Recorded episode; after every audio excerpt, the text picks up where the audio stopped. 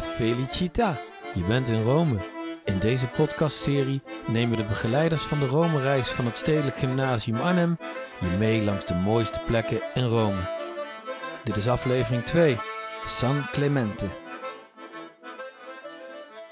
Ik ben Martine Drogendijk en ik sta hier met Frank van der Holst in de San Clemente. Frank, kun jij iets over deze kerk vertellen? En hou het kort, hè? Ja, ga ik doen.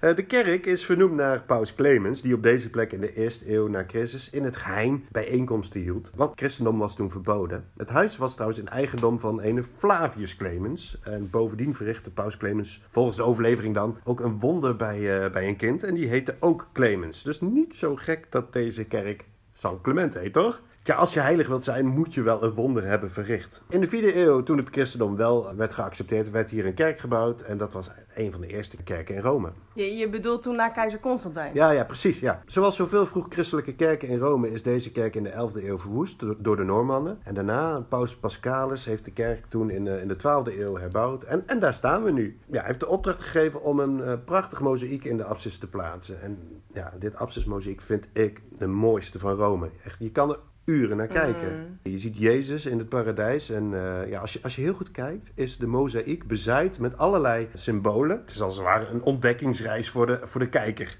Hè, op zoek naar al die symbolen en, en, en de betekenis daarvan.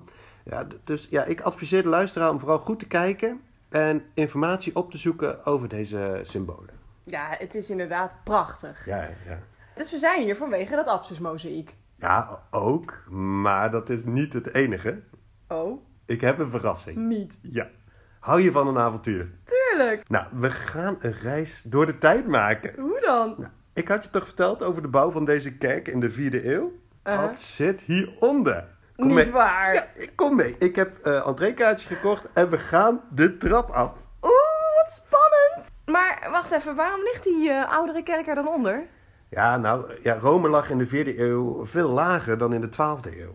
Dat komt met name door de overstromingen van de Tiber, die telkens een eh, laag slip achterliet. Dat zie je trouwens ook op het Forum Romanum. De oudste gebouwen daar liggen veel lager. En dat is hier ook. Dus de, de nieuwe kerk is eigenlijk op de oude kerk eh, gebouwd.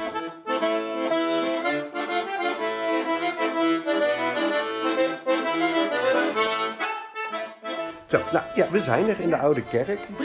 Ja, het is een beetje koud. Eh, wat zie je hier allemaal? Nou, ja, heel veel fresco's, gemaakt tussen de 5e en 11e eeuw. Eh, heel oud voor een fresco. En eh, ja, het is ook moeilijk te zien, hè? Ja, zeker. Ja, is lastig. Ja, ja, Maar dat maakt het ook wel interessant. En enkele fre- fresco's verwijzen naar die wonderen die Paus Clemens zou hebben gedaan. En hier aan de linkerkant, moeten we even, ja, de- Even doorlopen. ja, even doorlopen aan de linkerkant. Ja, deze. Ja, dat is ook zo één. Mhm. En deze is wel bijzonder, want daar staat het oudst bekende geschreven Italiaans. Zie je wat er staat? Nou, het is wel heel moeilijk te lezen.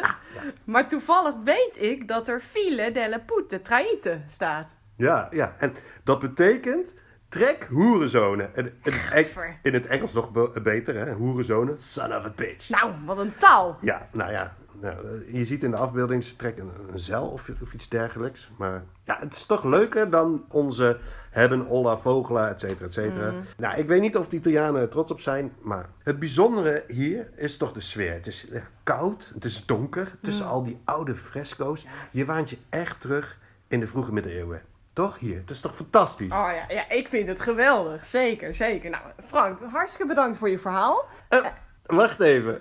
Wat? Ik had toch verteld over het huis van Clemens in de Eh, eerste eeuw, in de. Romeinse tijd. Ja, ja. Zal ik je wat vertellen? Dat zit hier weer onder. Dat meen je niet. Ja, echt. Dat is prachtig toch? Kom mee. Hier links zit een trapje en dan gaan we naar beneden. Hoe spannend. Ja. Nou kijk, hier zijn we. In het gangetje tussen het huis van Clemens hè, en, en, de, en de buren. En bij de buren, is wel leuk, is een ondergrondse ruimte gevonden waar Mitras werd aanbeden. Ja, is te herkennen aan een, eh, zo'n ventje op een stier. Dat ventje heet dan Mitras.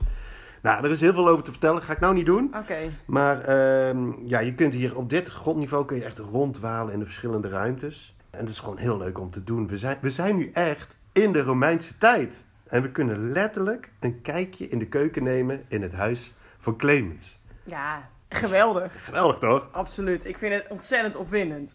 Maar Frank, Ja. je snapt toch wel dat iedereen al lang weet, hè? Dat de San Clemente uit verschillende lagen bestaat. Ik bedoel, ik vond het heel leuk om met je mee te spelen hoor, maar... eh, Wat? Oh, hè? Dus, dus geen verrassing, zeg jij. Ik denk het niet, Frank. Ah, Maar wel een avontuur, toch? Zeker, zeker. Nou, hey, eh, zullen we nog even naar boven gaan om het muziek te bewonderen? Dat is een goed plan. Nou, dankjewel Frank dat je ons hebt meegenomen naar jouw favoriete plek. Dit waren Frank van der Holst en Martine Drogendijk vanuit Rome. Geniet van je reis en luister ook naar de andere afleveringen van deze podcastserie.